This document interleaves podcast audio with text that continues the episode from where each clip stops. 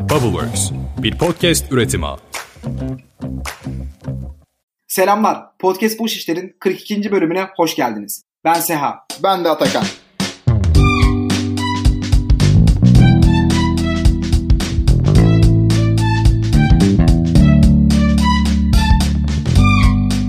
Bugün Vivo kurucu ortaklarından Miray Tayfun konuğumuz. Vivo, kullanıcıların evlerinden mobil uygulamaları aracılığıyla 2 dakikada idrar testi yapabilmelerine ve bu testin sonucunda sağlıklı yaşam tavsiyeleri almalarını sağlayan bir mobil uygulama. Hoş geldin Miray. Hoş bulduk Seha. Evet Miray, biraz önce de konuşma fırsatımız oldu zaten ama burada dinleyicilerin huzurunda da tekrar sana teşekkür etmiş olalım. Vivo genel olarak takip ettiğimiz ve gerçekten de bizim böyle başka alanlarda da zaman zaman girişimlerin veya işte çeşitli kişilerin bu tarz bir problemi nasıl çözeriz acaba diye düşünmüş olduğu bir konuya gerçekten harika bir çözüm getiriyorlar ve oldukça da başarılı bir hikayeleri var.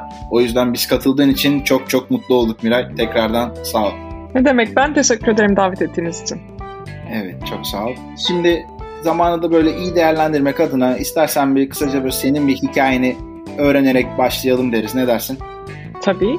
Ben Miray, Vivo'nun kurucu ortaklarındanım ve CEO'suyum.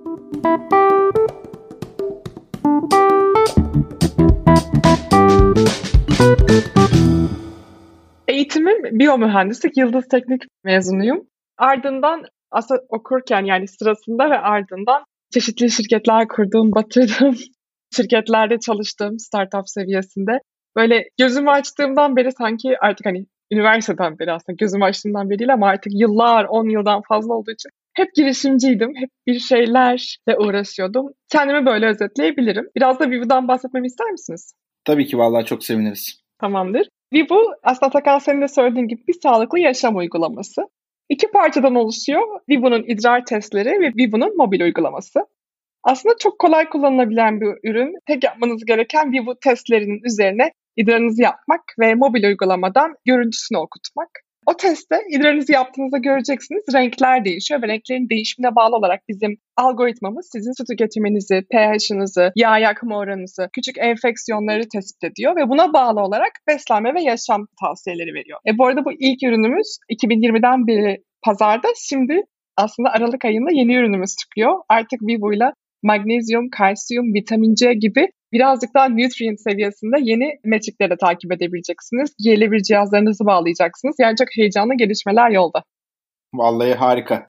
Şimdi bizim de heyecanımızı daha da arttırdı. Hatta şey diyesim geldi. Çıkar çıkmaz ürün bir daha bir hemen e, Miray'ı bir konuk alalım. Bir update bölümü olsun. Bayağı bir ürünün özelliklerinden zaten detaylı şekilde bahsediyorsunuz. Siteye girdiğimiz zaman da bunları çok ayrıntılı bir şekilde görebiliyoruz. Bu işe başlarken böyle nasıl bir problem oldu da dediniz ki ya bu problemden yola çıkarak biz bir çözüm geliştirmeliyiz. Öncelikli olarak bunu çözmeliyiz diye sizi iten burada tetikleyen şey neydi onu merak ettim.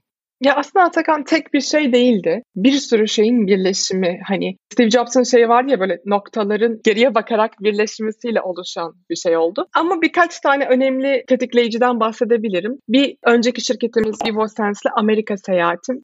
Orada artık insanların yaşama şeklini, yeni hayatı görmek oldu. Özellikle Kaliforniya gibi bir yerde.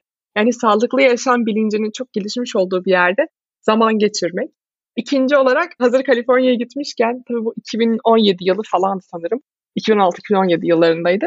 Yıllardır yapmak istediğim testlerin hepsini yaptım. İşte 23andMe gibi genetik testler, Fitbit'imi aldım. Hani orada daha ucuz ya böyle şeyler. Bir de Türkiye'de yok. Evet. Fitbit'imi aldım. İşte dışkı testi var bir tane. Yararlı ve zararlı bakterilerinizin analizini yapıyor. Buna bağlı olarak size iyi gelen, mikrobiyomunuza iyi gelen yiyecekleri tespit etmenizi sağlıyor. Böyle değişik testler yaptım ve gerçekten gözüm açıldı.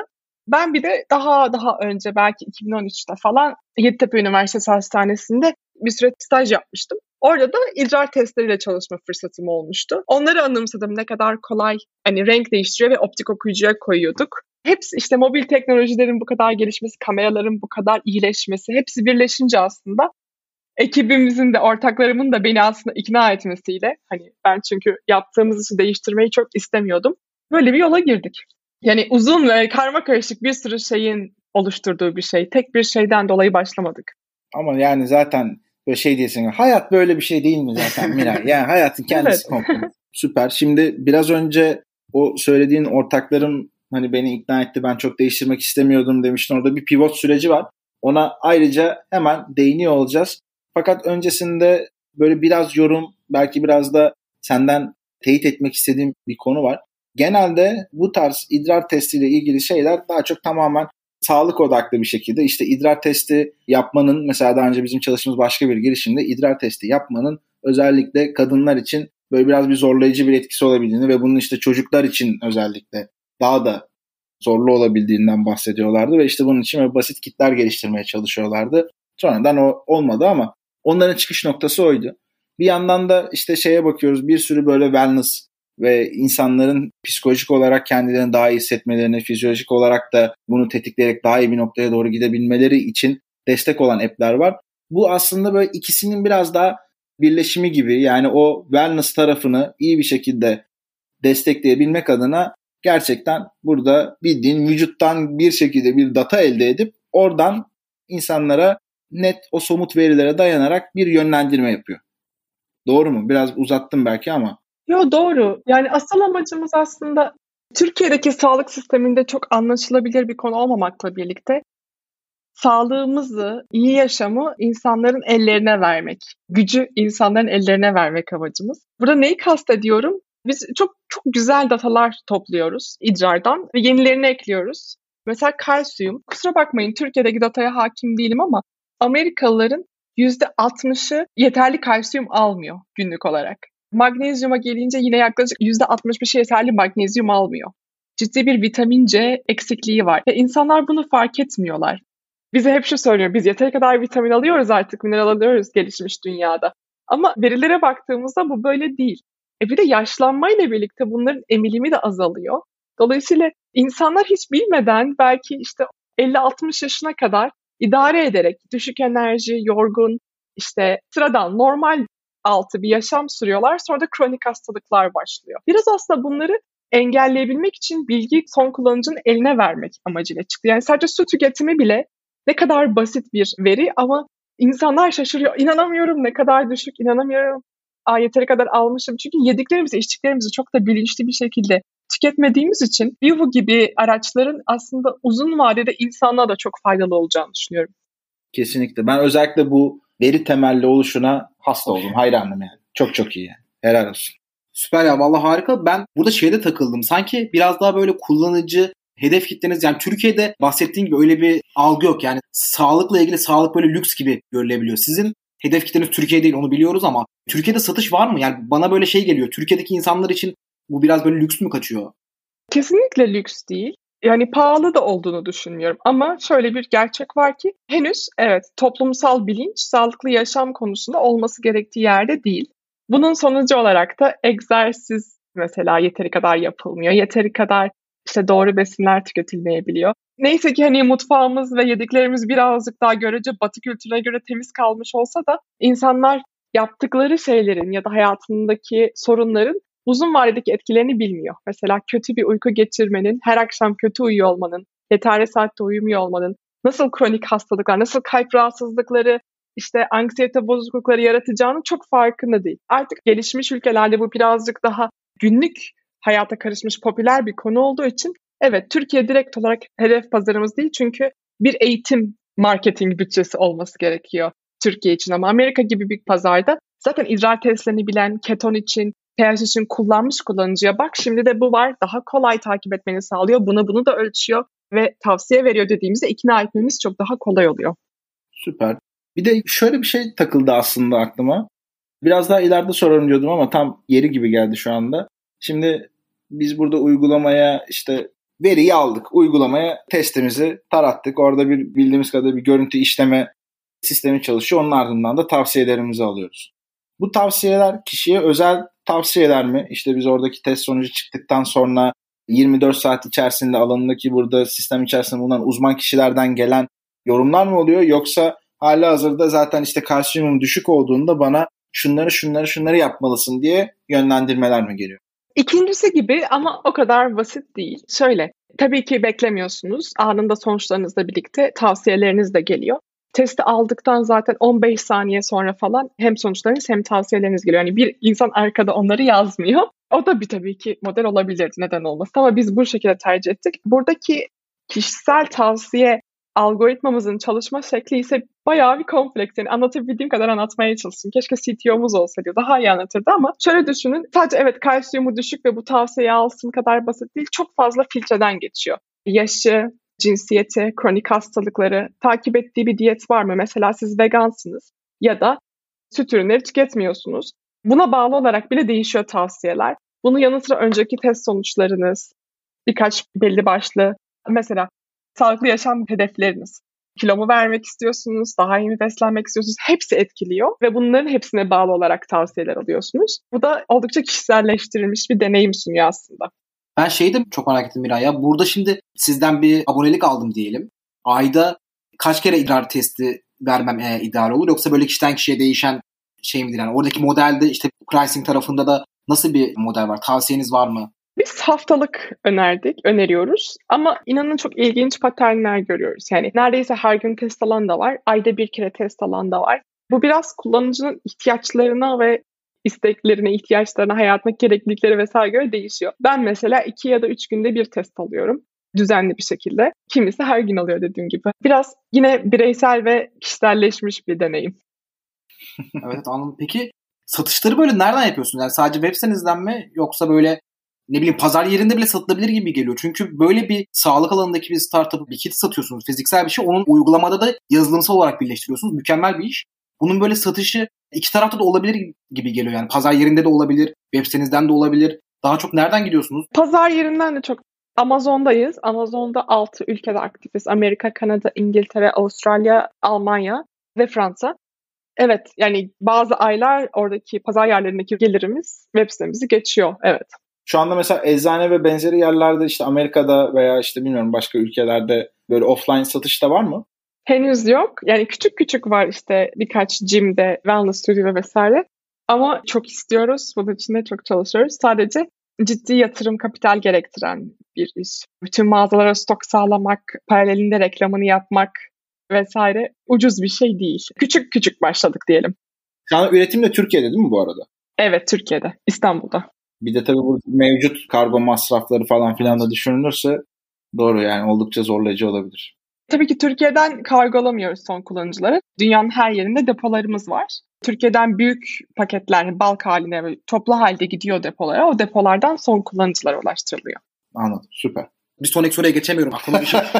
çok çok şey bir konu, güzel bir konu. Yani çok güzel bir girişim. Şeyi de merak ediyorum. Yani siz buradaki dağıtımı işte gönderiyorsunuz balklar halinde. Kime gönderiyorsunuz? Yani orada birileriyle mi çalışıyorsunuz? Keşke o yine orta. Şey gibi oluyor bazen böyle. Bu konuyu ortam daha iyi açıkla. Operasyon müdürümüz.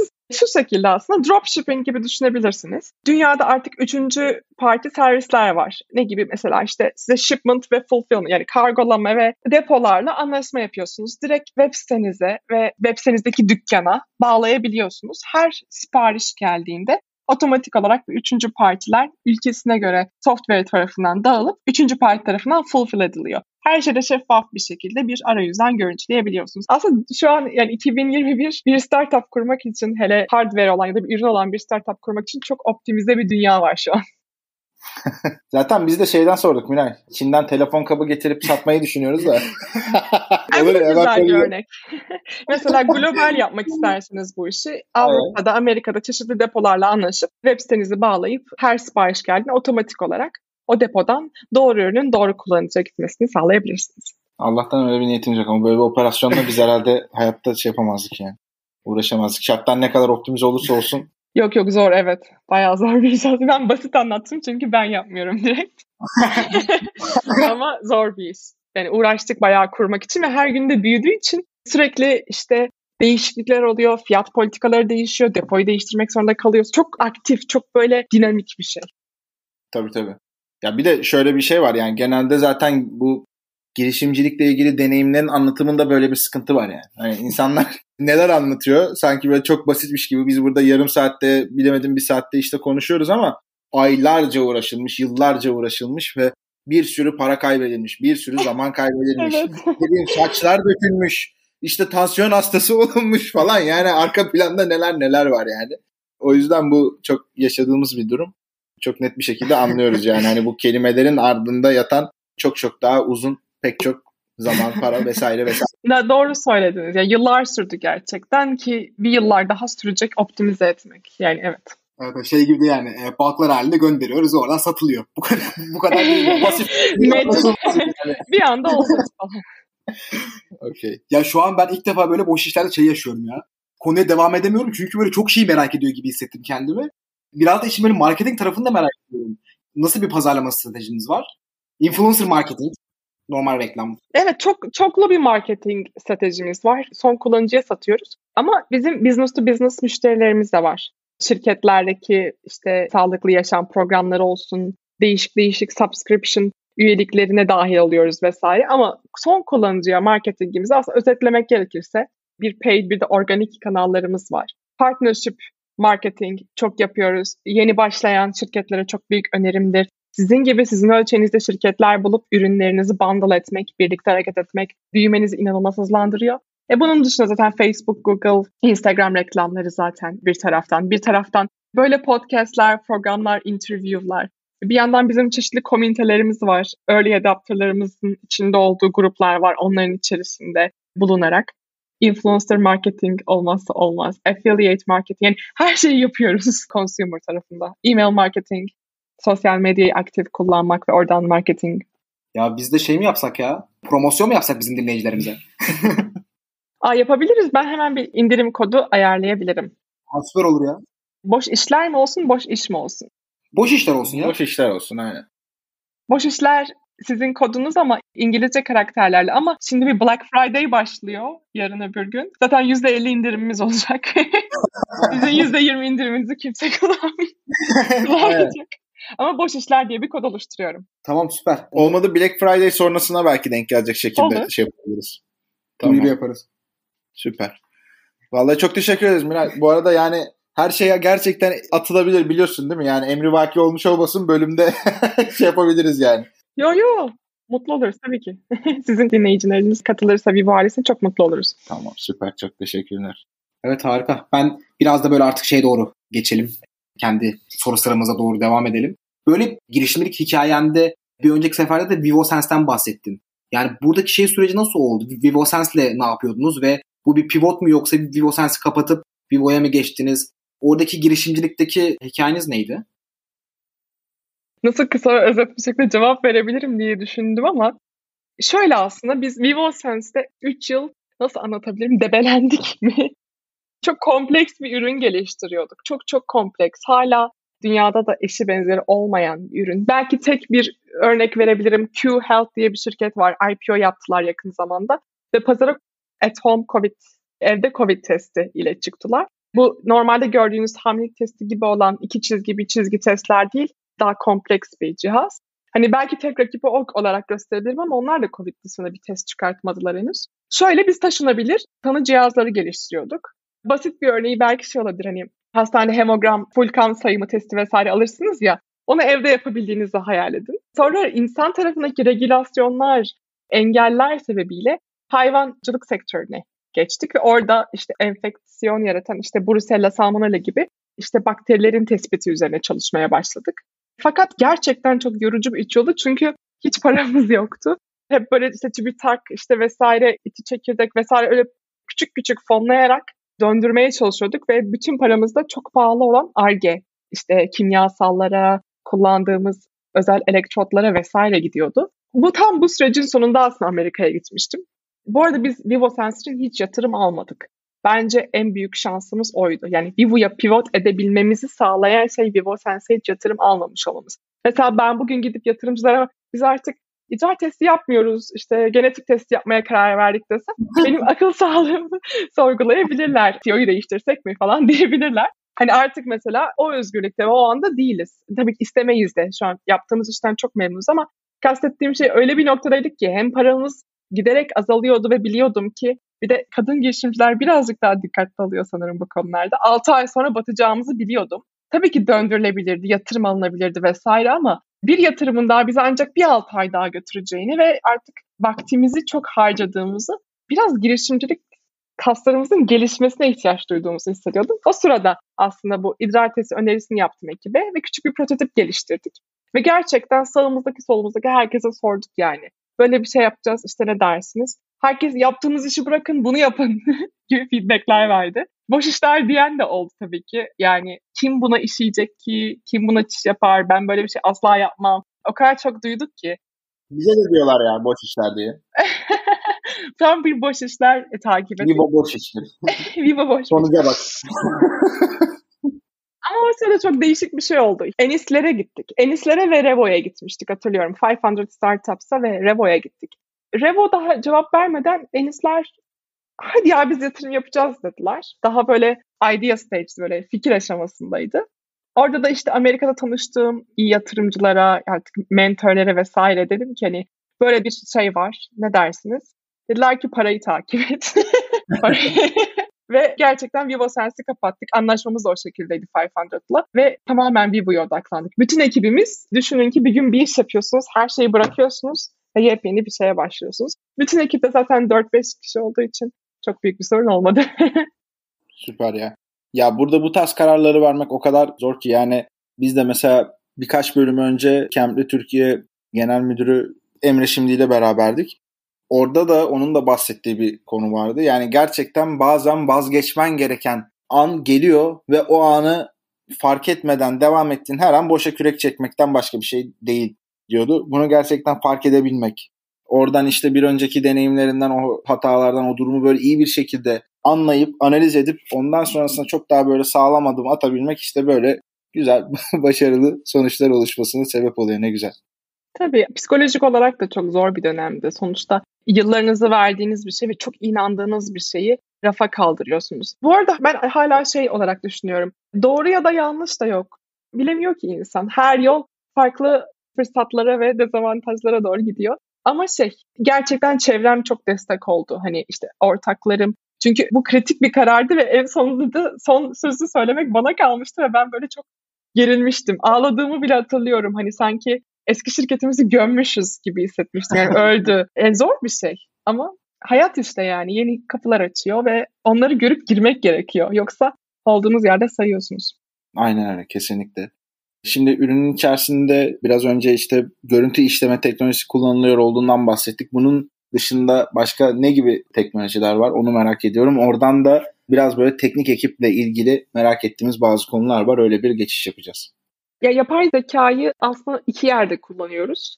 Birincisi görüntü işlemede. Şimdi görüntü işleme teknolojileriyle ilgili ya çok bilgi vermek istemiyorum çünkü ben de çok gerçekten bir CTO'muz gibi anlatamayacağım. Yanlış ifade etmek istememekle birlikte.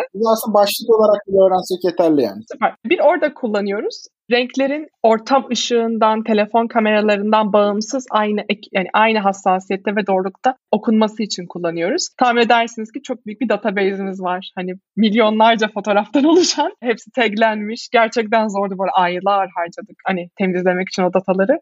IP'nin bir kısmı orada. Bir kısmı da kişisel tavsiye veren algoritmamızda yapay zekayı aslında kullanmaya başladık. Şu an öğreniyor. Bunun dışında tabii ki şey işte backend'de değişik bir mikroservis altyapısı kullanıyoruz. Çoklu dilleri destekliyor. Yani Node.js de kullanılıyor, Python da kullanıyor. Ve ön tarafta da Kotlin ve Swift kullanıyoruz mobil için. Anladım süper. Şimdi bu soruyu soruyor olmamın amacı aslında şu özellikle bunu dinleyicilere seslenerek birazcık da açıklamak istiyorum. Çok fazla girişimle işte bir araya geliyoruz Goin'deki süreçlerimizde. Onun öncesinde biz de işte dinliyorduk, görüyorduk demo daylerde genelde şöyle şeyler oluyor. Biz yapay zeka teknolojisiyle nokta nokta yapıyoruz. İşte blockchain'den ortaya koymuş olduğumuz şu çalışmayla falan. Yani siz bu teknolojileri gerçekten kullanan ve işin hakkını vererek ortaya somut, başarılı şeyler ortaya çıkartan bir girişim olduğunuz için bunun altını çizmek adına aslında merak ettim. Onun için sormuştum. Güzel bir noktaya değindiniz ama. Şeyi açıklamak isterim biz machine learning, yapay zeka demek tam doğru olmaz. Yani machine learning kullanmasaydık ürünümüz çıkmayacaktı. Çünkü istediğimiz doğruluk oranına güncel computer vision teknolojileriyle ulaşamadık. yani hep şey bir gölge geliyor ve sonuç bozuk çıkıyordu. Ancak yapay zekayla o errorleri minimize edebildik. Gerçekten ihtiyacımız vardı yani. Yok doğrudur. Aynen. Yani bu arada sen de biraz önce yine ayrı önemli bir konuyu söyledin bazen gerçekten yapay zekayı yapmış veya yapabilecek teknik donanıma sahip ve bunu kullanacak olduğunda iyi bir pazarlayan ekiple denk geliyoruz. Sonra oturup bir konuşuyoruz. Ya senin yapay zeka ihtiyacın yok ki kardeşim yani. Burada aylarca bu yatırımı yapmana gerek yok yani. Ama işte Miray'ın biraz önce söylediği gibi de gerçekten onu gerektiriyorsa e tabii ki kullanacaksın yani bunu. Bu da gayet doğal bir durum. Tüm bu konular da bir yandan şuraya getiriyor bizi. Gerçekten şu anda kiminle konuşursak konuşalım yani holding şirketi olan bir teknik ağırlıklı çalışan bir firmadan tut da işte başarılı başarısız neyse herhangi bir şeye kadar startup'a kadar teknoloji girişimine kadar herkes teknik ekibini kurmakta çok zorlanıyor. Yani eminim siz de böyle yine kolay bir şekilde kurulmamıştır, mücadeleler verilmiştir ama burada senin ortaya koyacak olduğun tavsiyeler var mı? Doğru kişilere karar vermek için veya işte karar verdiğin takıma dahil oldular ve ondan sonra onlarla o ilişkiyi başarılı bir şekilde sürdürmek için ne gibi yorumlarım var onları da almak isteriz. Yani burada biraz negatif olmak istemiyorum ama gerçekçi olursak, gerçekçi olmak istiyorum. İyi bir teknik ekip kurmak için para gerekiyor. Şu an hani günümüzde 2021'in işte Kasım ayında. Çünkü arkadaşlar çok değerli. yani bizim teknik ekibimizdeki insanlar da eminim ki bugün işten ayrılsalar daha iyi bir maaşla yarın başlayabilirler. Çünkü piyasa öyle şişmiş bir durumda ki herkes teknik insan arıyor. Herkesin teknik insana ihtiyacı var. Türkiye'de zaten kurlar, ortamlar, şartlar belli. İngiltere'ye, Amerika'ya hiç olmadı evinde oturup Upwork'e çalışma fırsatları var. Bence bunu da yadırgayamayız yani. Ellerinde daha iyi fırsatlar var. Niye gelip 3-4 bin lira yani onu bile vermek zor yeni başlayan bir startup için onu da anlıyorum. Hiç parası olmadan bir şeye başlamaya çalışan insanlar var. Ama hani kimse artık 10-20 bin lira maaşlar bile komik kalıyor günümüzde iyi teknik insanlar için. Dolayısıyla gerçekten para gerek. Bu önemli bir ayrıntı. Hani mesela biz başladığımızda bizim çok şanslıyız ki co-founderlarımızdan birisi CTO'muz gerçekten kendinden, ailesinden feragat ederek çok az paralara vesaire başlattı ve şu an çok güzel bir teknik ekip kurdu. Onları yönetiyor ve onları gerçekten çok iyi motive ediyor. Fakat biraz da gerçekçi olmak lazım. Sanırım ciddi bir sirkülasyon var. Hani bu sadece Vivo'da ya da küçük startuplarda değil Getir'de de çok büyük bir sirkülasyon var. Getir'den bize geliyor adam. İşte adam sonra kalkıyor Trendyol'a gitmek istiyor. Yani çok acayip bir sirkülasyon var ve bu yazılımcılar biraz hani yeni fark ettiğim bir şey. Bu da bir ay falan oldu. E biraz macera perestler. Yani yeni projeler arıyorlar.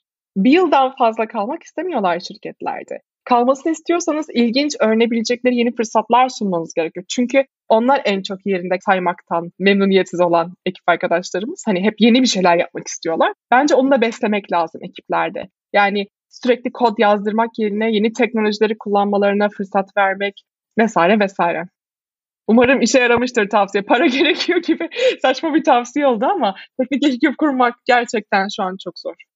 Yok yok aslında para gerekiyor'nun da ötesinde bir şeyden de bahsettin. Yani onları diyelim bir şekilde kazandın takıma dahil ettin. Onun sonrasında da para da tek başına yeterli değil. Yani onlara oradaki o çalışma esnek alanı sunabilmek belki çerçeveyi koyup hadi bunu sen de olur bunun içerisinde yeni şeyleri keşfet, deneyimle gibi yaklaşımlara da açık olmak gerekiyor gibi çok da önemli de bir ders vardı içinde. Bir de şey de var bu arada. Biz hep böyle teknik ekiple diğer departmanlarımız şirket içinde ayrı tutuyorduk. Komünikasyonları bilesiniz çünkü kafanızda şöyle bir algı var ya teknik insan konuşmaktan hoşlanmaz vesaire falan gibi. Onu bir iki yıl önce değiştirmeye başladık. Hani şirket üç yıllık ama yani bir değiştirmeye başladık ve şey hani daha çok marketingle de iç içe beslenme uzmanlarımıza da çalışsın, işte benimle de çalışsın, gözlerle de çalışsın, operasyonla çalışsın vesaire gibi. Bunun da çok ciddi pozitif etkileri oldu. Yani sürekli izole ediliyor çünkü bu insanlar bir de. Hani geceleri kod yazmaya zorlanıyor falan gibi. Bir de tabii ki gerçekten iyi şartlar sağlamak hiç atlanmasın. Esnek çalışma saatleri, güven yani dedik dedik şu saatte online'dın şu saatte değildin hesabı hiçbir developerla mesela biz ekipte asla yapmadık ve yapmayız. Çünkü zaten çok zor bir yani hepimiz çok zor işler yapıyoruz ama gecesi gündüzü karışmış bir şekilde işler yaptıkları için onların tezki aldıktan sonra kendi verdiği deadline'a uyacağına güvenerek bir güven ortamı oluşturmak gerekiyor.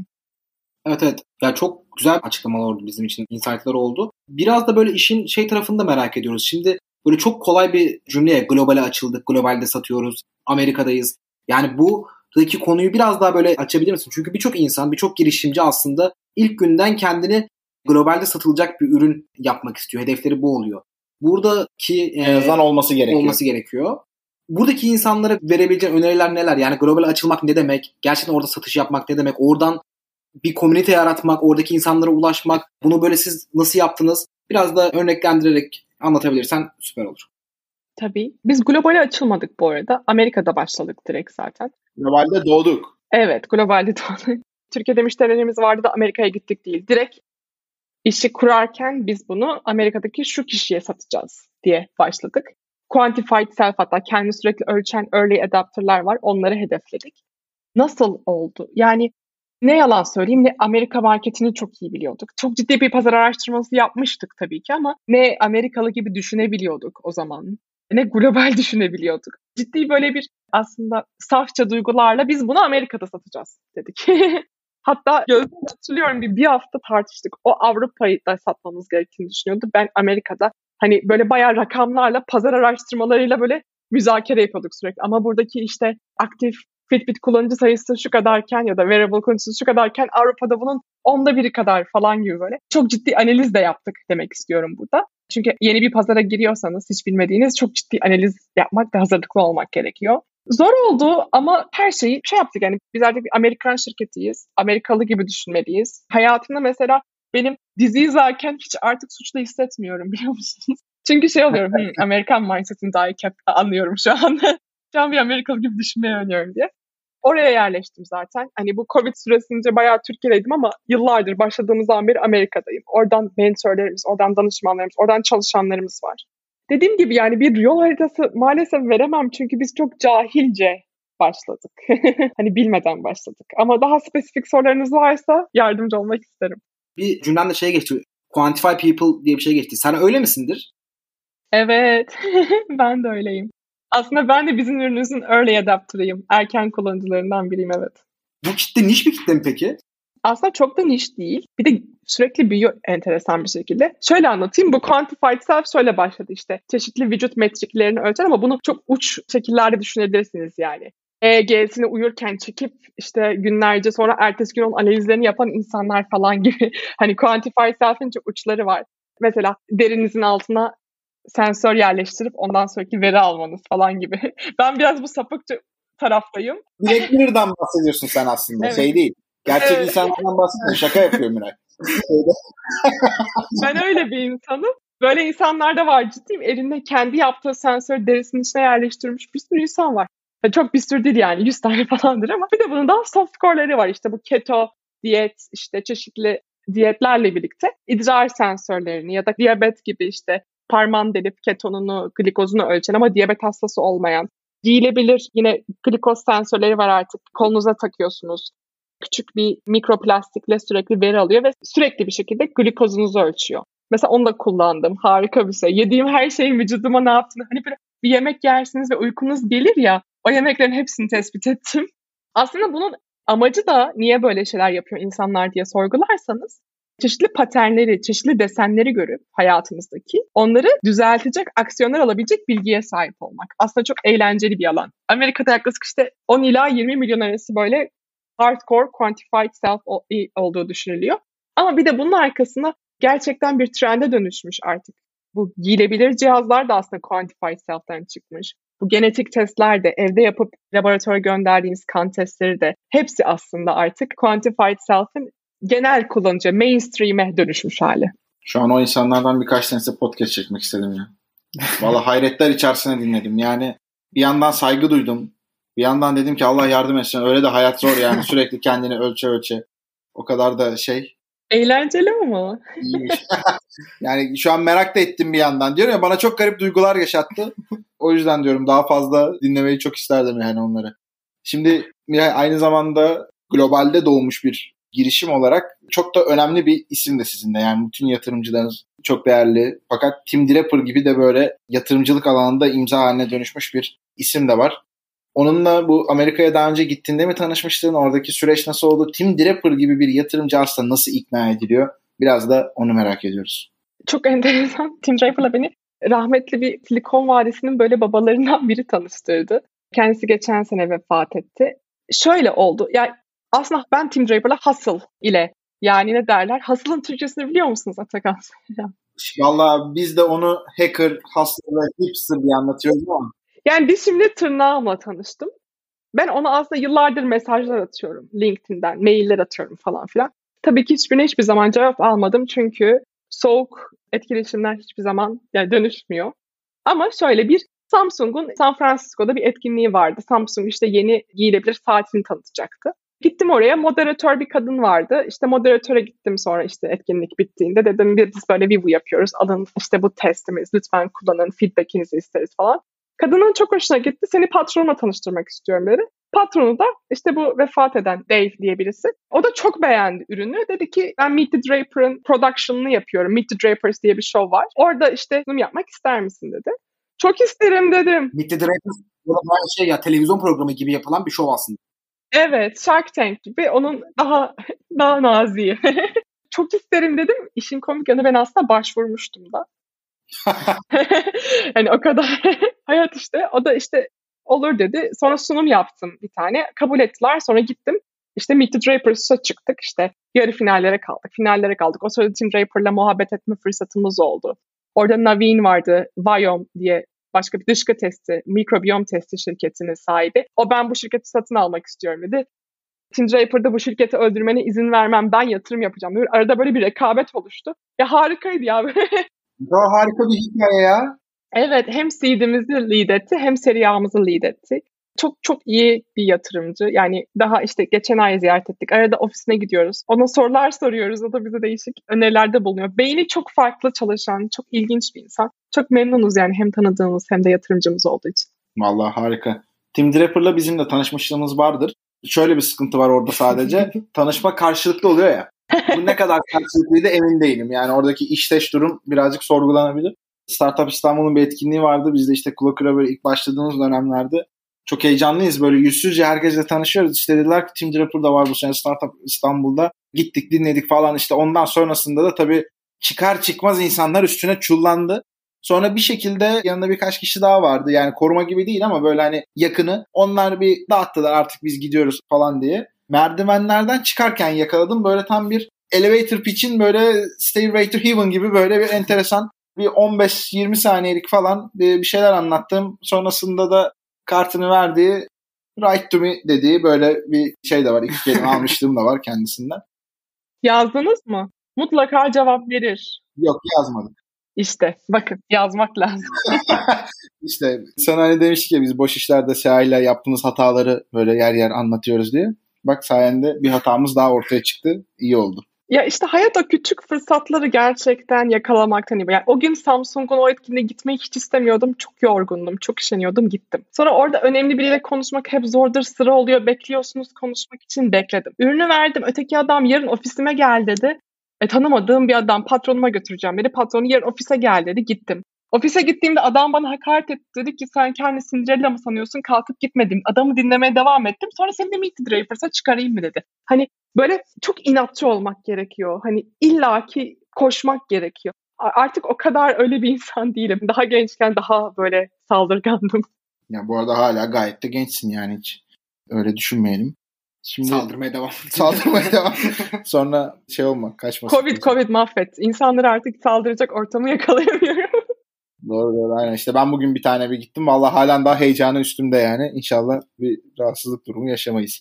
Yatırım kısmını aslında kapatıyoruz. Biraz da yavaş yavaş sona doğru da yaklaşıyoruz. Ama merak ettiğimiz bir konu daha var. Geçmiş yatırımcıların arasında işte Türkiye var, Amerika var.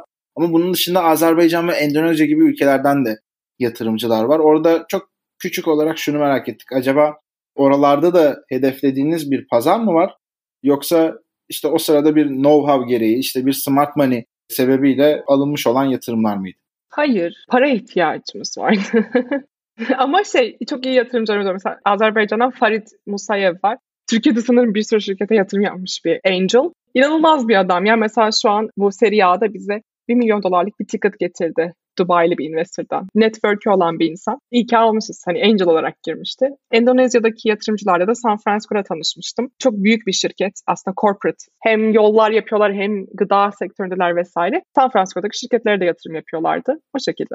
Ben şimdi biraz ürünün aslında kullanımıyla ilgili bir kısaca başlayayım. Ya şeyi merak ediyoruz Miray. Burada şimdi insanlar geldiği zaman ne kadar içeride kalıyorlar ve yani buradaki alışkanlıkları ne? Elinde işte çubuk varken ürünü bırakabiliyor mu? kullanmadığı oluyor mu? Ya da böyle tamamen sonuna kadar gitme süresinde tekrar gelme oranları ne gibi? Böyle aslında biraz da ne kadar kullanıcınız var, aktif kullanıcınız nedir gibi böyle biraz rakamlarla ilgili meraklarım var. Şöyle aslında bizim aktif kullanıcılarımız içerisinde %80 üzerinde month over month retention var. Test alımı için bu. Bu harika bir rakam çünkü wellness sektöründe aslında çok düşük retention'lar. %8 falan success kalmanın ki falan hani gerçekten güzel bir başarı. Ve kullanıcılarımızın %30 civarı 12. ayında hala test alıyorlar. Bu da çok aslında gurur verici bir rakam. Fakat bunların hepsi MVP'mizle yakaladığımız rakamlar ve açıkçası MVP'miz pazardaki ürünümüzden çok çok çok da böyle gurur duymuyoruz ilk ürünümüz olduğu için. Şimdi yeni uygulamamız çıktı. Orada bunların aslında çok çok daha iyileşmesini öngörüyoruz. Biraz aslında marketingden bahsedecek olursak paid kanallarda acquisition cost, lifetime value gibi kavramlar var. Orada da üçün üzerinde lifetime bölü acquisition cost oranlarımız var. Yani marketing tarafında da aslında başarılı, sağlıklı bir görüntüdeyiz. Bugüne kadar yüzden fazla ülkede Vivo app'i indirildi ve 60 küsur ülkede de müşterimiz var. Tabii ki Amerika, Kanada birinci sırada ama hani aklınıza gelmeyecek yerlerden Vivo kullanıcıları var, müşterileri var. Yani çok gurur duyuyoruz ama gerçekten yani atıyorum bu 1 milyon basamaklı bir yolculuksa gerçekten 100 basamak çıkmışız gibi hissediyoruz. Çünkü pazar o kadar büyük ki çok çok çok başındayız işin yani. Şey mi dedin ilk başta? %30 civarında bir kullanıcı 12. aya kadar aslında devam ediyor. Evet. 12. ay Süper bir oran değil mi ya bu? Bilmiyorum bir şeyi benchmark'ını ama. Bizim için harika bir oran evet. Yani gerçekten inanılmaz bir şey.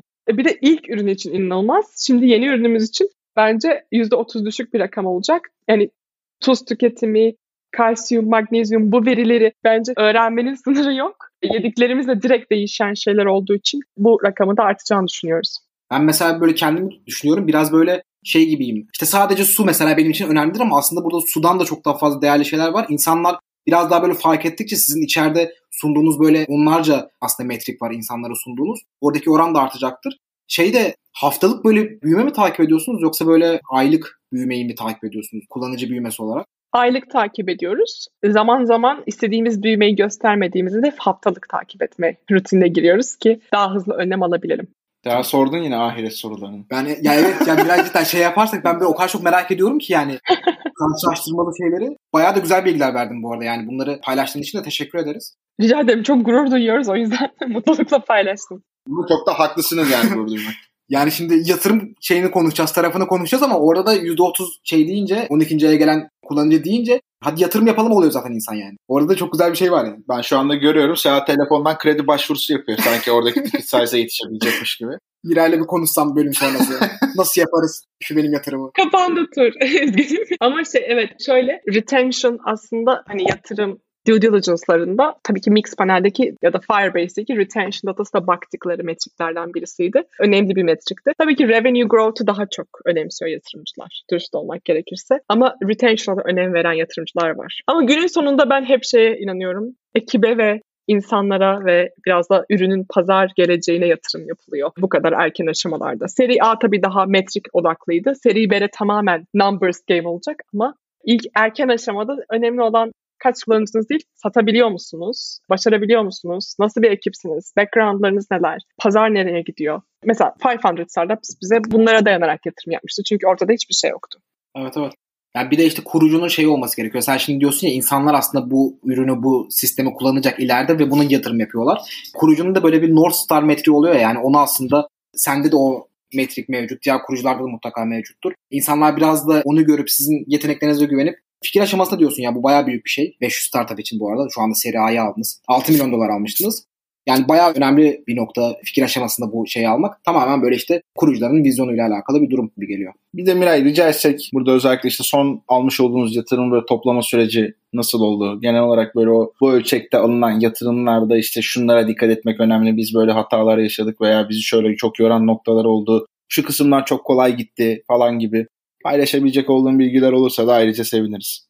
Tabii ki. Öncelikle şunu belirtmek isterim ki böyle yatırım süreci ne keyifli, ne eğlenceli, ne de kolay geçen bir süreç. Turu açtığımızdan ve Covid sırasında raise etmek de çok çok bence zorlu bir süreçti. Şöyle söyleyeyim 60 ila 70 arasında VC ile görüştük. Hani ikinci görüşmeleri vesaire yaptığımız iyi lead olarak gördüğümüz insanlar sadece yüz yüze görüştüğümüz insanlar yatırım yaptı. Bu size ne söyler bilmiyorum ama ve bu yüz yüze mesela Los Angeles'a gittim, San Diego'ya gittim, Dubai'ye gittim, işte New York'a gittim, San Francisco, Bay Area'da zaten San Francisco'daydım. Hani buralara gidip bu insanlarla görüştüğüm insanlar yatırım yaptı. Bence bu çok önemli bir öğreti. Aslında bunun hakkında bir şey yazmak istiyorum. Çünkü belki de bu online fundraising sürecinde yıpranan girişimciler olabilir. Onda da şeye bağladım biraz. Hani insanın gerçekten kokusu bile önemli. Yani bizim beş duyu organımız var ve bir kamera arkasında bazen heyecanınızı ya da vizyonunuzu iyi aktaramayabiliyorsunuz. Belki söyledikleriniz ve hareketleriniz bunu destekliyor ama diyorum ya aynı odada olduğunuzda ortama salgıladığınız hormonlar, kokunuz, sıcaklığınız bile etkiliyor olabilir. Ben bu yüzden olduğunu düşünüyorum. Biraz da analiz edeceğim. Hani biraz daha zaman geçsin ama yüz yüze görüşme fırsatınız varsa yani mesela yatırımcıyla mailleşiyorsunuz yazın yani hadi yüz yüze görüşelim bir kahve içelim vesaire vesaire. Biz mesela bir bütçe koyduk. Hani bu yatırım turu için bir bütçemiz vardı. Düşünebiliyor musunuz? İçinde uçak biletleri, otel masrafları, vesaire ki her istediğimiz yatırımcılarla görüşebilelim yüz yüze diye. bir de şey sanıyor insanlar hani hiç yatırım almamış startuplarda onu görüyorum. Ya çok kolay bir şey olarak görüyorlar ya da zaten hani böyle şans eseri tesadüflerle gerçekleşen bir şey sanıyorlar yatırım alma işte. Aslında öyle değil. İlk yapacağınız iş bir Excel spreadsheet açmak. sizin aşamanızda ve sizin sektörünüzde yatırım yapan ve sizin size yatırım yapmanızını isteyeceğiniz yatırımcıların, VC'lerin, mikro VC'lerin her neyse aşamanız bir listesini çıkartmak. Zaten bu aslında binlerce kişilik bir yatırım listesi oluyor. Sonra da bunlara ulaşmaya çalışmak. Ama benim tavsiyem, bu arada doğru ya da yanlış bilmiyorum. Hani herkes kendi yöntemini belirlesin ama soğuk ulaşmamak yani mail atmamak, işte spamlamamak insanları. Merhaba işte ben Miray bunun kurucusuyum böyle bir şey yaptık. Dekimiz ektedir. Lütfen işte inceleyip bize feedback verin falan. Ben bunları çok yaptım. Hiç bu şekilde yatırım almadık. Bizim şu an 20 küsur yatırımcımız var. Hepsi ya sıcak tanışmalar ya da tesadüfen tanıştığımız insanlarla oldu. Sıcak tanıştırmalardan kastım Mesela 500 Startups bu yatırım turunda bizi 10 ila 20 arası VC ile tanıştırdı. Halogen Ventures, Jesse Draper'ın fanı bizi belki 50 tane VC ile tanıştırdı. Bu tanışmalar görece olarak soğuk iletişimden hani cold işte derler ya cold emailing'den daha verimli oluyor. Yani girişimcilerin böyle şey gibi düşünmesi lazım. İşte Mart ayında açacağım round'u ve işte Temmuz ayında kapatacağım. İnsanlara şu günlerde ulaşacağım. Bana bu bu bu bu bu bu, bu introyu yapabilir. Introlardan sonra görüşme süreci, sonra işte lead'i bulmak. Lead'i bulmak da önemli bir şey. Yani biz çok şanslıydık. Draper yine lead etti ama lead olmayınca işte bu 5-6 milyon dolar ve sonrası civarında lead olmayınca yatırımcılar da gelmiyor. Tek sordukları şey leading kim? İyi bir leadse herkes gelmek istiyor. Leading yoksa lead'in olmasını bekleyelim diyorlar. Ve çok fazla hayır duyduğunuz için psikolojik olarak gerçekten çok yalnızlaştırıcı, çok yıpratıcı bir süreç. Yani çok dirayetli olmak gerekiyor. Ve 6 milyon dolar mesela bir seri A için bence çok küçük bir round. Biz aslında hani bizim sektörümüzde 20 milyon dolar seri A yapanlar da var. Bizim ihtiyacımız bu kadardı. Bu şekilde bir round yaptık ama bence hani girişimciler sektörün Silikon Vadisi'ne verdiği değerlemeler ve paraları da standart olarak alsınlar. Çünkü öyle bir dünya da var. Seed için 12 milyon dolar da raise edebilirsiniz. Bunu %20 discount convertible'la da yapabilirsiniz bir valuation olmadan. Biraz aslında cesur olmak da gerekiyor. Yani ben hep maalesef bilmiyorum kadın olduğum için niye böyle yapıyorum. Hep daha düşük değerlemelere, hep daha düşük roundlara okey oldum. Ben de yeni yeni öğreniyorum. Belki ben de daha cesur olabilirmişim. Daha fazlasını isteyebilirmişiz. Yeni yeni öğreniyorum masada para varsa alıyorsun gibi bir şeyin var aslında. Evet çünkü fundraising yaparken zaten lay lay yapmıyorsunuz ki. Paranız bittiği için fundraising yapıyorsunuz. Böyle bir gerçeklik var. Yani hani ah hadi şimdi de hisselerimizi satalım diye kim, kim hissesini satmak ister ki? Sonuçta hepimiz bir yüz milyonlarca belki milyarlarca dolar değerlemeye ulaşmaya çalışıyoruz. O hisselerin bir gün ne kadar değerli olacağını biliyoruz. Bir yandan aslında şöyle bir konu da var. Yani burada bu yatırım almayla ilgili zaman zaman bir dönem şey çok söyleniliyordu. Ya en iyi yatırım olabildiğince geç alınan yatırım deniliyordu. Bu ilk böyle Türkiye'de konuşulmaya başlandığı zaman yaklaşık herhalde bir 7-8 sene önce falana denk geliyordur. Oldukça garipseniyordu ama aslında günden güne senin de bu söylemiş olduğun, anlatmış olduğun örneklerle de çok daha net bir şekilde anlaşılıyor ki gerçekten öyle. Niye yani bu kadar değerli olan hisseni satmak isteyesin ki ve söylediğim bir tane daha önemli bir şey daha vardı bizim ihtiyacımız bu kadardı. Yani hani tamam belki daha fazla paraya ihtiyaç yoktu ama hani daha yüksek bir değerlemeyle belki alınabilirdi. Oradaki o ihtiyacı biliyor olmak, sırf masada para var diye orada olan her şeyi almamak da gerçekten çok önemli ve bilinçli olunması gereken bir konu. Evet ya bu round çok gönlümce oldu açıkçası. Hem eski yatırımcılarımız dahil oldu. 500 Startups, Halogen Ventures, işte Angel'lar follow on yaptı. Bu çok güzel bir şeydi. Jesse Draper demiştin değil mi? O yani Tim Draper'ın kızıydı galiba. Evet, evet. Onunla da galiba ya the Drapers'ın finalinde ya da bir yerde tanıştık. Bize yani diğer VC'lerimiz kızmasın üzülmesin ama bu kadar yardım etmiş. Hani bir Revo 500 Startups kesinlikle onları şey yapamam. Ama yani Halogen Ventures inanılmaz ya. Diyorum ya bizi 50-60 VC ile tanıştırdı. Yani bu inanılmaz bir rakam. Yani zaten fundraising numbers game. 100 kişiyle görüşeceksiniz ki işte onu maybe diyecek, 5'i evet diyecek size. Hani o yüzden çok iyiydi. Şu an kafamda şöyle bir şey tablosu var. Tim Draper'ın evinde Jesse, Tim ve Miray oturuyor böyle yani oturma odasında. yok öyle bir ilişkimiz yok maalesef. Hani gerçekten yatırımcılarımızla hep çok mesafeli, saygılı bir ilişkimiz. Hani arkadaşlık ilişkimiz yok. Günün sonunda çünkü biliyorsunuz onların bir beklentisi var. Bizim beklentimiz var. Şey böyle çok ama güzel olurdu. Belki bir gün davet ederler. Yapıyor Draper böyle şeyler. Çağırıyor böyle şey girişimcileri barbeküye falan. Kısmet olmadı hiç. Belki bir gün olur. Olursa size yazacağım. Allah inşallah olur ya. O arada beni de sorsana Miray hatırlıyor muymuş? Ama niye follow up yapmadınız? Ben hala inanamıyorum. Niye bir mail atmadınız? Gerçekten Tim Draper 6 saatte cevap veriyor maillere. Allah Allah. Aslında o kartı paylaşmış olması değerli bir şeydi yani gerçekten öyle mi? Yani cevap veriyor. Tanıştığı, tanıdığı insanların maillerine cevap veriyor. Yani verirdi size de. Şimdi pişmanlıklar. Ama şimdi atarsanız vermez büyük ihtimalle. E tabii şimdi onu bir daha bir yerde bulup merdivende falan peşinde yine koşmam gerekecek işe bak ya. Al başımızı aldınız Çünkü yatırımcılar biraz şey insanlar ya nasıl desem batıl demek istemiyorum ama Silikon Vadisi'ndeki yatırımcılar özellikle şansa işte bu serendipitous olaylara falan çok inanıyorlar. Hele Kaliforniya'daki insanlar zaten gerçekten böyle kristaller, şeyler falan gerçekten böyle tesadüflere çok inanıyorlar. Ve fırsat kaçırmaktan çok korkuyorlar. O yüzden dönüş yapıyorlar.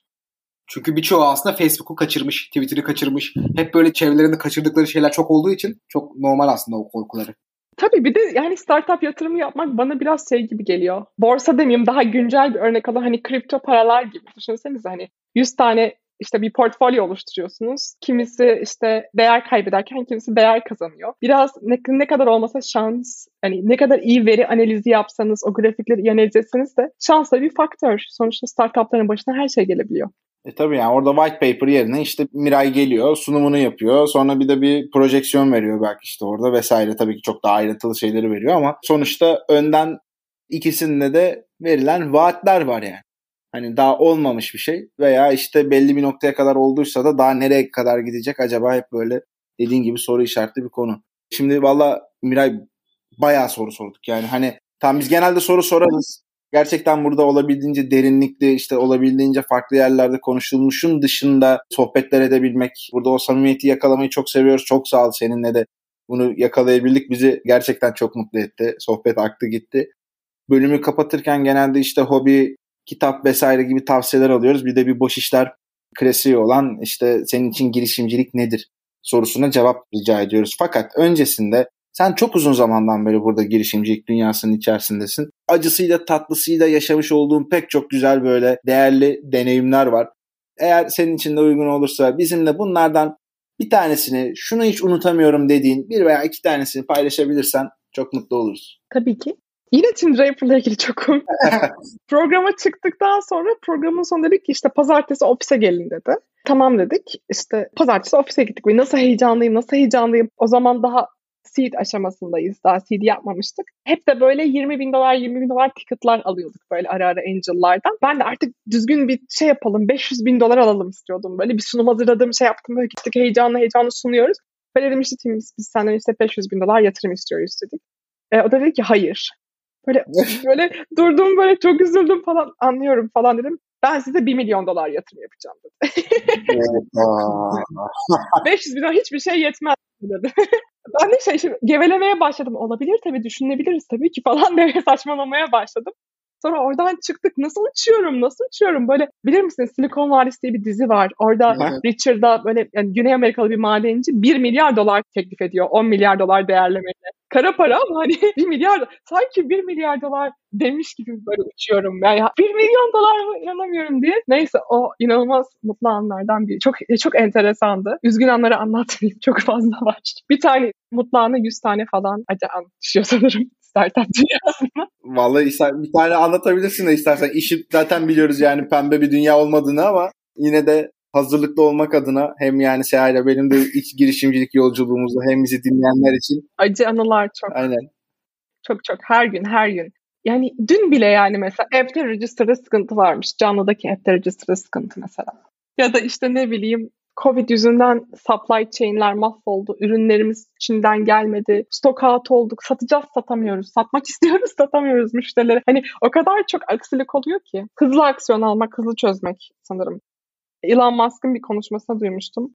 Girişimcinin yani bir entrepreneur'ın görevi sorunları tespit edip çözmektir. Onlardan kaçarsanız şirketiniz batar demişti. Çok doğru. Süper ya. Gerçekten böyle dolu dolu şeyler verdin ya. Miray çok teşekkür ederiz tekrardan. Böyle artık yavaş yavaş podcast boş işlerin Atakan'ın da söylediği gibi son iki şeyinde böyle inandığımız bir şey var. Burada biz çok değerli insanları konuk alıyoruz ve bu insanlar da aslında bir yerlerden ilhamlar alıyorlar, kendileri bir şeyler katıyorlar ve bunu da dinleyicilerimize aktarmak istiyoruz. Bize böyle tavsiye edebileceğin, illa girişimcilikle ilgili de olmasa da olur. Dinleyicilerimize tavsiye edeceğim bir hobi, metodoloji, kitap önerisi olabilir, podcast önerisi olabilir, film olabilir. Benim hayatımı değiştirdi, sizin de değiştirir dediğin birkaç örnek alabilirsek süper olur. Tabii. Ya podcast'te hep şey, daha medikal ve sağlıklı yaşam üzerine podcast dinliyorum. Girişimcilik hiç dinlemiyorum ama Dr. Mark Hyman, Doctor's Pharmacy diye bir podcast'i var. İlgileniyorsanız özellikle medikal dünyadaki yeni gelişmeler, biyolojiyle ilgili yeni gelişmelerle mutlaka tavsiye ederim. Doctor's Pharmacy. Spotify'da da var zaten. Ee, kitap Courage to be Disliked diye bir kitap var. Çok öneririm. Ya aslında daha çok kişisel gelişim ve psikoloji kitabı. Ama iş hayatına uyarlayabileceğim çok öğreti aldım. Yani özellikle competition, rekabet konusunda, sinirlerini ve stresini kontrol etmek konusunda çok tavsiye ederim. Bir de Contagious, marketingle ilgilenenler insanlar için. Bulaşıcı zaten kitabın ismi. Viral fikirlerin nasıl ortaya çıktığını metodolojik olarak anlatan bir kitap. Benim bir metodolojim var. 5 dakikalık günlük diye geçiyor. Her sabah işte uyandıktan sonra o gün için şeylerimi yazıyorum. Yani üç, ay, üç alandan oluşuyor. İşte bugün ben neye teşekkür ediyorum, neye müteşekkirim. Bugün ne olursa harika bir gün olur. Ve ben kimim? Hani ben nasıl bir insanım? İşte ben işte atıyorum güçlüyüm, sakinim falan gibi affirm, hani böyle affirmation'lar yapıyorsunuz. Akşam da bitince gününüz bugün olan güzel şeyler ve ne yapsaydım bugün daha iyi olurdu diye. Böyle günde 5 dakika süren bir günlük tutma yöntemi. Çok çok çok tavsiye ederim. İşten bağımsız insanların yazıya döktüğünüzde bir şeylerin gerçekten somutlaşması beni hep böyle çok hayrete düşürmüştür. Şeyleri de çok severim o yüzden. Hıdralez olsun, işte böyle mood boardlar falan yaparlar ya hayallerini insanlar yazıya dökerler. Hep yaparım. Almak istediğimiz yatırıma kadar hep böyle yazarım, etrafımda her yere yazarım. Telefonum ekranı, bilgisayarım ekranı yaparım. Yani bir çeşit olumlama mı dersiniz, çekmek bir çağrışım mı dersiniz bilmiyorum ama böyle şeyleri yazıp önünüze koyduğunuzda hayatta size çeşitli aksiyonlar alırken o yazıları hatırlatıyor. Bence önemli bir şey. Hobi ise hobim hobim yok maalesef. Mesela bu hafta sonu mantar toplayıp omlet yaptım mesela. Ormana mantar toplayıp. Ya da işte bir çok büyük bir sanat eseri yaptım duvarım için. Ama arada gitarla tıngırdatıyorum falan. Hani şey gibi düşünün. Bir tane uzun ve çok sevdiğim hobim yok ama mum da yapıyorum. İşte ne bileyim o anki vücudumun, beynimin ihtiyacına göre doğaçlama hobiler üretiyorum. Çok güzel. Ya aslında o sırada seni besleyecek olduğunu, rahatlatacak olduğunu düşündüğün, ihtiyaç duyduğun şey neyse onu tercih ediyorsun gibi yani. Zaten bu Evet. bence bu arada bu da gayet normal bir durum. Yani insanların tabii ki bazı kişilerin tutkuları var yani bazı şeylere ve bu ömür boyunca bunu yapıyorlar. Bir tane, iki tane. Ama bir yandan böyle farklı şeyleri deneyimlemek, hazzı da almak o da gerçekten başka bir şey. Şimdi bölümün artık sonuna geldik. Biliyorsun Podcast Boş İşler'in sonuna geldiğimizde genelde diyoruz ki girişimcilik senin için nedir? Biz buna girişimcilik boş iştir diye bir nazire yaparak başlamıştık. Ardından da işte kan ter gözyaşıdır, cesarettir, deliliktir vesaire vesaire bir sürü yorum geldi. Senin için girişimcilik nedir Miray? Benim için girişimcilik uzun bir yolculuktur. uzun olduğu kesin. Ama şey de söyleyeyim, birlikte olduğumuz için ekip arkadaşlarınızla, müşterilerinizle, yatırımcılarınızla birlikte güzel bir yolculuktur. Ama uzun bir yolculuktur ana teması. Uzunu şey yapalım. Şöyle Uzun. puntoyu aynen uzun. Uzun. O Çok uzun. evet. Tamam süper. Valla çok teşekkür ederiz Miray. Gerçekten ağzına sağlık. Yani tüm bu yolculuğun umarım aynı şekilde başarıyla tüm o kurmuş olduğunuz ekipçe bu güzel hayallerle devam eder ve siz de hem bu başarılara ulaşmanın mutluluğunu yaşar ve yaşatırsınız hem de pek çok kişiye böyle güzel bir şekilde ilham olmaya devam edersiniz. Biz gerçekten seni ağırladığımız için çok mutlu olduk. Seha biraz önce bir şey söyledi bu hobileri vesaireyi sorarken.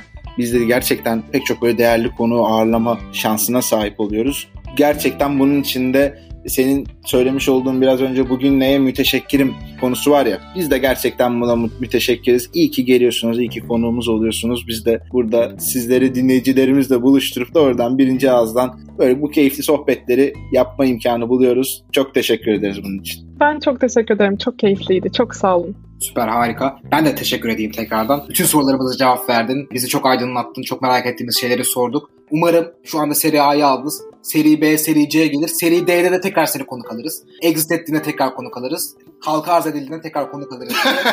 yani bu kadar konuyu konuk almaya bağlar mı ya insan kafası? ne güzel duygusal duygusal. ha, konuk alırız derken podcast'te değil yani görüşürüz şey yaparız. Zevkle zevkle.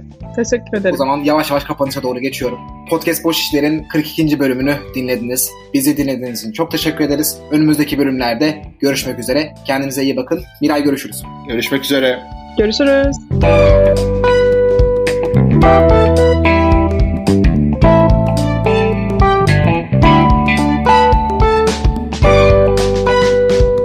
Bubbleworks